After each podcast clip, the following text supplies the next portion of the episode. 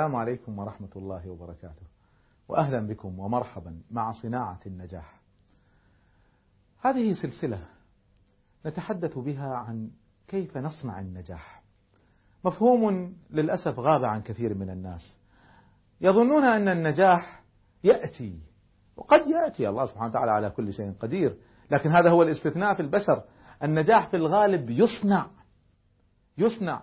ولصناعته معادلة. نحن هذا حديثنا نتحدث عن هذه المعادلة. تبدأ بالنجاح في داخل النفس الإنسانية وقد تحدثنا عن كيف يحدث ذلك. وبالذات في أن يتحمل الإنسان مسؤولية نفسه ومسؤولية ما يحدث ما يحدث له. هو صاحب القرار فيما يحدث له. وإذا أراد أن يغير شيء سيء في حياته هو الذي يجب أن يغيره. تأتيني أعداد كبيرة من الرسائل يستشيروني في أمور. لكن خلاصة هذه الأمور أن كل واحد فيهم ينتظر حد يساعده. عندهم مشكلة ينتظرون شيء يحدث عشان تنحل. لن يحدث شيئا إلا إذا أنتم أحدثتوه. أديروا حياتكم. أمسكوا الأمور بأيديكم. صدروا قرارات ليكن لكم إرادة. هكذا بداية معادلة النجاح. جزء آخر من معادلة النجاح هو أن ينجح الإنسان في علاقاته. بعد أن ينجح في ذاته يحقق الرضا والسعادة الداخلية ينجح في علاقاته. يحسن التعامل مع من حوله. يكون له آثار طيبة بين أهله وأولاده وزوجته وعلاقاته وأصحابه. ما يعيش مكروه منبوذ غير مؤثر. هذا ضعف. الإنسان الناجح نجاح فعلي لا يكفي أن ينجح في داخله وإنما ينجح أيضا في علاقاته الخارجية. ثم بدأنا في الحديث عن أن هذا أيضا يحقق نجاحا لكن هناك نجاح أعلى وهو أن يترك آثار في الحياة تخلد من بعده. يترك له مشروع مدرسة مستشفى شركة تغيير نظام إداري إضافة إلى العلم الإنساني أو الشرعي. إضافة شوف النبي صلى الله عليه وسلم لخص هذا بكلمات جميلة جدا. قال صلى الله عليه وسلم إذا مات ابن آدم انقطع عمله إلا من إحدى ثلاث. إذا مات الإنسان خلاص ما في أجر. الإنسان يصلي يقرأ قرآن يروح العمرة يتعبد كذا يكتب له الأجر. إذا مات وقف خلاص سجل الحسنات يتوقف. إلا من ترك واحدة من ثلاثة أمور. صدقة جارية. إيش يعني صدقة جارية؟ يعني مشروع. بعض الناس يفكر صدقة جارية يعني بس ماء سبيل. يعني هذا هذه من أبسط الصدقات الجارية. من الصدقات الجارية أن يترك له مستشفى خيري. أن يترك له مشروع وقفي. يدر أموال ينفق بها على طلبة العلم ولا على المحتاجين هذه كلها صدقات جارية. صدقة جارية تستمر بعد وفاته.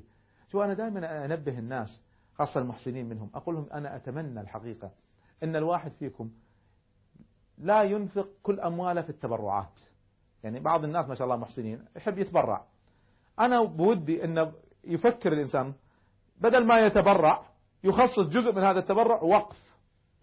يوقف بدل أن يتبرع. وقف. ليش؟ شوفوا التبرع أنا تبرعت لمسكين استفاد منها انتهت. لي الأجر انتهى أجري.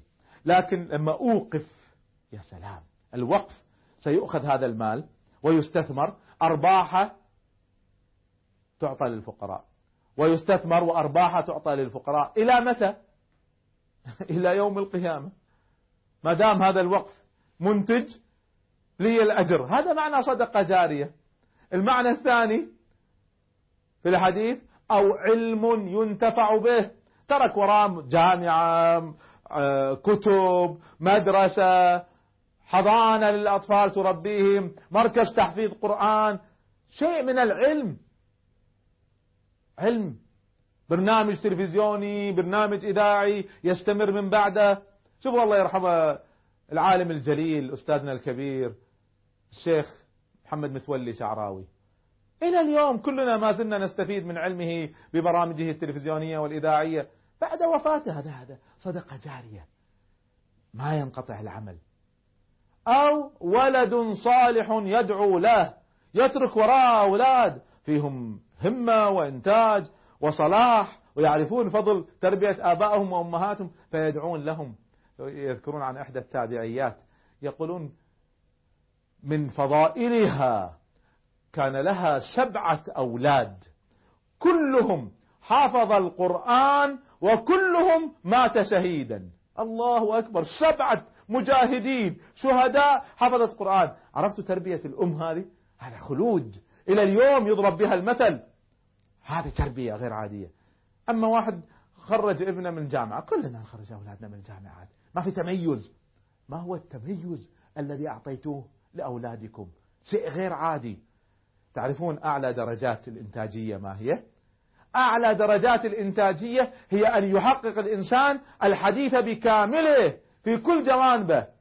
أن يترك وراء صدقة جارية. وعلم ينتفع به وولد صالح يدعو له. لو حققنا كل هذا تجمعت لنا أبواب الخير. ما هي الأعمال التي ستعملونها من إنجازات تستمر بعد وفاتكم؟ فكروا معي في هذا الحديث. قال رسول الله صلى الله عليه وسلم إذا مات ابن آدم انقطع عمله إلا من إحدى ثلاث صدقة جارية أو علم ينتفع به أو ولد صالح يدعو له. لو حقق الإنسان هذه المعادلة أنه ينجز في العلم ينجز في المشاريع ينجز في التربية يا سلام. لكن هذه المسألة ما تأتي وحدها يعني هي ليست نتيجة هكذا تحدث وإنما هي تحدث بناء على خطة. أنا أنا أخطط أن أنجز في هذا المجال. حددت لي مجال أريد أن أعطي حياتي له أريد أن أنجز فيه. يا سلام هذا أول شيء. ثم أريد أن أكمل هذا. بمجموعة مشاريع ومجموعة إنتاجات علمية وتربية لأسرة تستمر في هذا العطاء من بعدي الله الله. لو استطعنا أن نفعل هذا. إذا معادلة النجاح في الإنجاز باختصار كما ذكرت لكم لو تخيلنا أنفسنا في نهاية حياتنا ما هي نوعية الحياة التي عشناها؟ ما هي نوعية الحياة؟ شوفوا شوفوا السؤال سؤال دقيق ومهم. ما هي نوعية الحياة التي عشناها؟ كثير من الناس يعيشون بلا نوعية يعيشون كم؟ عاش كم سنة؟ عاش له سبعين سنة. بس في ناس عاشوا ثلاثين سنة وكانت إنجازاتهم أكثر صح؟ أحد علماء القرن العشرين مات عمره 42 سنة. لما مات استشهد رحمه الله كان عمره 42 سنة.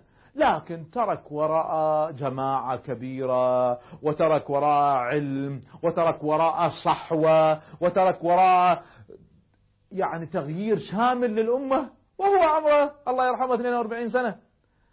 في بعض الناس يعيشون 90 سنة ولا إنجاز ولا شيء. هذا هو السؤال الخطير. ما هي نوعية الحياة التي عشت خلالها.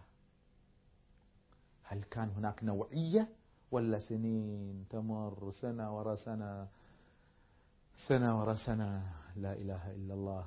يذكرني هذا بقول لأحد العلماء. يقول أي يوم يمر على حياتي بلا إنجاز ليس من عمري. الله. يوم يمر من عمري بدون إنجازات؟ ما هو من عمري هذا.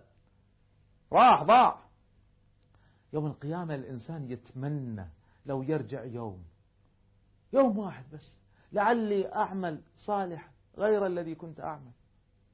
أتمنى أرجع يوم. تعجبني جدا كلمة للإمام الجليل الحسن البصري. الحسن البصري رحمه الله تعالى كان واقف مع واحد من أصحابه لما مرت عليهم جنازة واحد ميت الله يرحمه. فالتفت الإمام العظيم لصاحبه وسأله سؤال أنا نفس السؤال أريد أن أوجهه لكم. قال أترى هذه الجنازة؟ قال نعم. قال لو عاد إلى الدنيا هل سيعمل غير الذي كان يعمل؟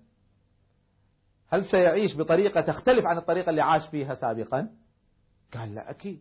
لو رجع للدنيا. لو الواحد رجع للدنيا رجعوه بعد ما وفاته قالوا له يلا عندك كم يوم تعيشهم؟ لو الواحد فينا تخيل نفسه رجع إلى الحياة. هل سيعيش بنفس الطريقة؟ ولا لا سيبدأ يعمل صالحات ويبدأ يعمل إنجازات وعطاء ويحاول يستغل الوقت بأكبر كمية قبل ما يموت لأن الموت جاي. هل سيعمل غير الذي كان يعمل؟ قال نعم. فقال الحسن البصري لصاحبه إذا لم يكن هو فكن أنت. إذا هو ما عنده مجال يرجع يعمل غير الذي كان يعمل. أنت اعمل ما دام تعرف نفسك أنك ستموت وكلنا سيموت شو؟ إحنا كمسلمين الموت ما يخوفنا. لأن إحنا نعرف أن الموت مرحلة إلى شيء الكفار يخافون من الموت لأنه يعتبرونها نهاية بالنسبة لهم. أما إحنا الموت حق عندنا وإنك ميت وإنهم ميتون. سيد الخلق محمد صلى الله عليه وسلم مات.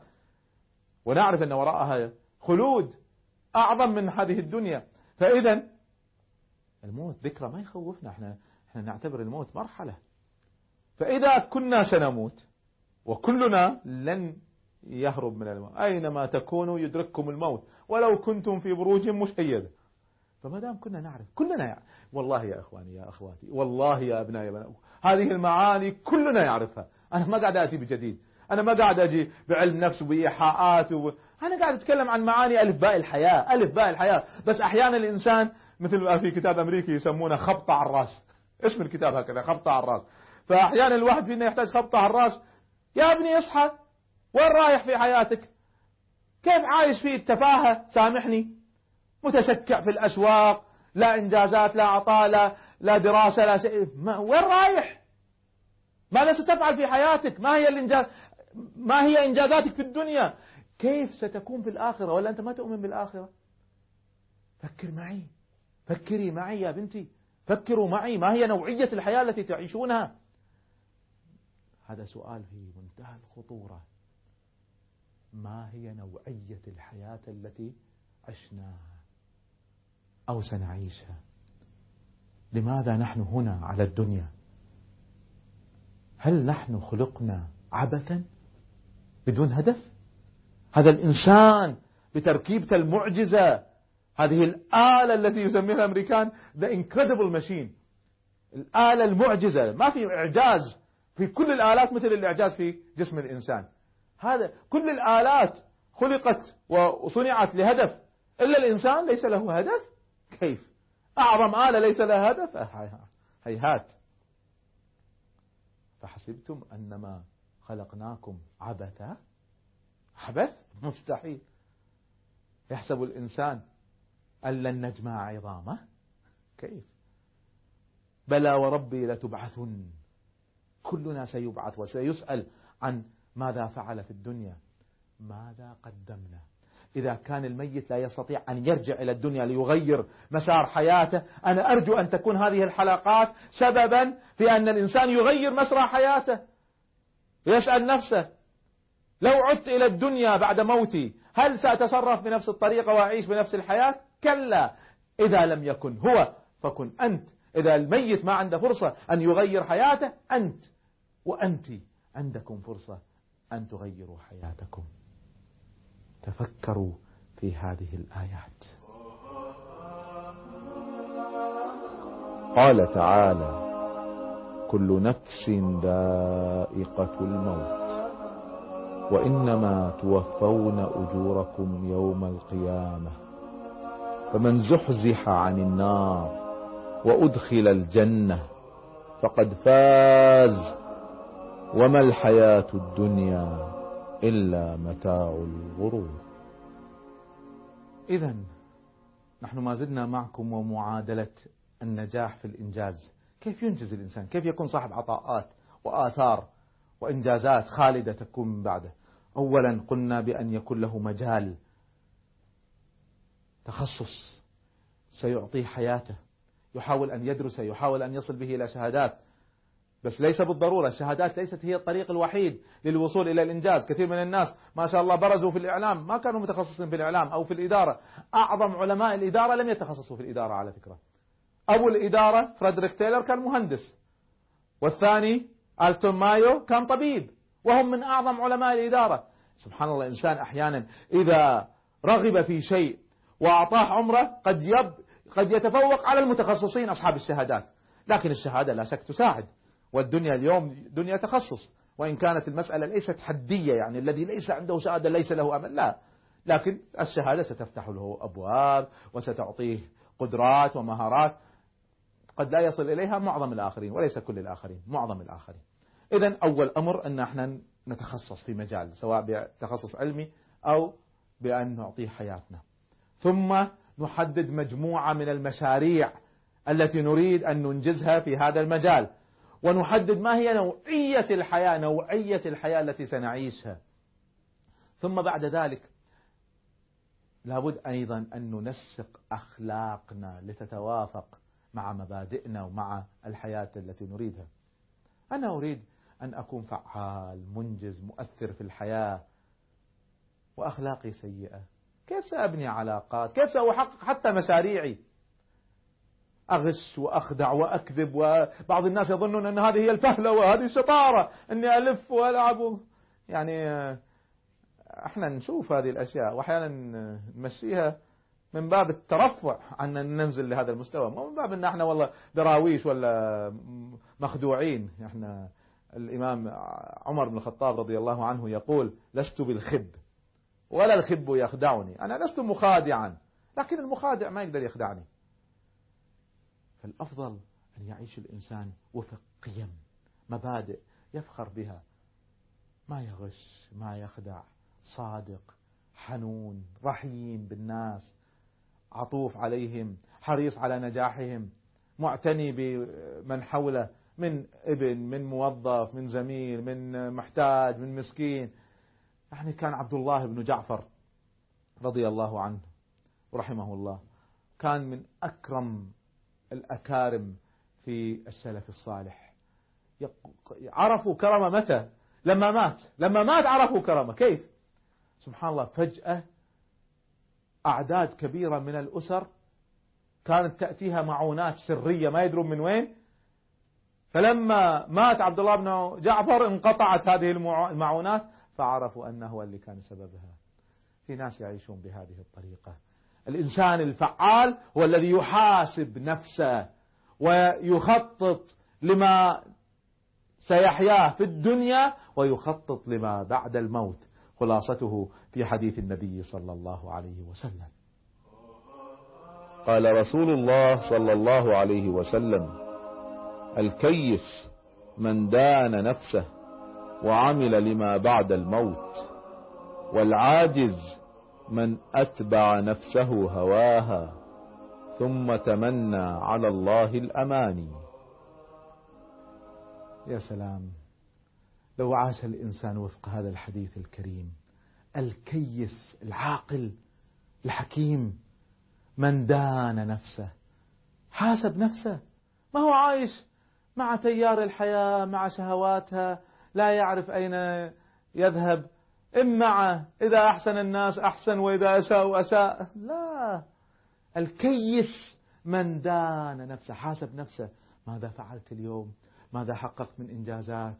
هل أنا ماشي في طريق إنجازات حياتي؟ هل حياتي لها معنى؟ هل أنا منجز ومؤثر ونافع لنفسي ولأهلي وللناس؟ أم أنا عايش على هامش الحياة تافه؟ أنا أتمنى لأبنائي وبناتي أن يسألوا نفسهم هذا السؤال. حاسبوا أنفسكم. كم ساعة قضيتوا في الأسواق هذا الأسبوع؟ كم ساعة قضيتوا أمام التلفزيون على برامج لا نفع فيها؟ كم ساعة جلستوا على الإنترنت؟ على محادثات تافهة أو على مواقع سيئة؟ حاسبوا أنفسكم. حاسبوا أنفسكم. ماذا أنجزتم؟ ماذا حققتم؟ حاسبوا أنفسكم. لو استمريتوا على هذا الطريق إلى أين ستصلوا؟ هذا العاقل الحكيم من يحاسب نفسه. أنا أريد أن أوجه كلمة لأبنائي وبناتي اللي في الثانوية بالذات. أداءكم في الثانوية العامة سيحدد مساركم على مدى باقي عمركم. لا تقولون ما حد قال لنا أنا قلت لكم الآن. إذا جبتوا درجات ضعيفة كثير من الكليات اللي تتمنون تدخلونها لن تستطيعوا أن تدخلوها. واللي فيكم يتمنى ياخذ بعثة لن يحصل عليها. وستغلق أمامكم الأبواب ستضطروا تدرسوا تخصص لا تحبوه. والنتيجة أن ستعيشوا باقي عمركم تعيسين. يا أبنائي شوية جد. سنتين ثلاثة من الثانوية جد. تأخذوا فيها درجات عالية. تختاروا ما تحبون. تتخصصوا فيما ترغبون. تعيشوا باقي عمركم في مستوى اجتماعي ومالي. يناسبكم. يعني العفو. هذا الإنسان الذي كان فاشل في الثانوية. دخل تخصص ما يحبه أو ما قبلوه ولا كلية واضطر يعمل بناء على شهادة الثانوية لأنه ما في ولا كلية قبلته وأخذ له راتب ضعيف جدا واضطر أنه هو يتزوج يعني آه، بنت يعني ما ما ما حصل البنت اللي يبيها لأن أهلها رفضوه ما عنده شهادة وبعدين عاش عيشة مضيق على نفسه. طبعا إحنا الفقر يعني إحنا ما إحنا ضده لكن الفقر الذي سببه الإهمال في الثانوية إحنا ضده. أنت الذي سببت لنفسك هذا الكلام. فيا أبنائي يا بناتي لا تكونوا كهؤلاء. انجحوا. حاسبوا أنفسكم. الكيس من دان نفسه حاسب نفسه وعمل لما بعد الموت. خطط للآخرة. والعاجز هكذا العاجز من أتبع نفسه هواها. يمشي حسب شهواته. يلا اتصلوا في ربعة. يلا السوق. يلا يلا رياضة يلا يلا أيام امتحانات. قاعد يسهر على التلفزيون. يلا. أتبع نفسه هواها ثم تمنى على الله الأماني. يريد المناصب العالية ويريد الآخرة ويريد تحرير فلسطين. قال هي هذه الأمور بالتمني هذه بالجد. والجد يبدأ بمحاسبة النفس. ما هي أهدافي وما هو طريقي؟ هذه ألف باء معادلات النجاح والإنجاز في الحياة. أتمنى من أبنائي أن يفكروا في ذلك. إلى لقاء قريب. في حلقة جديدة من صناعة النجاح. السلام عليكم ورحمة الله وبركاته.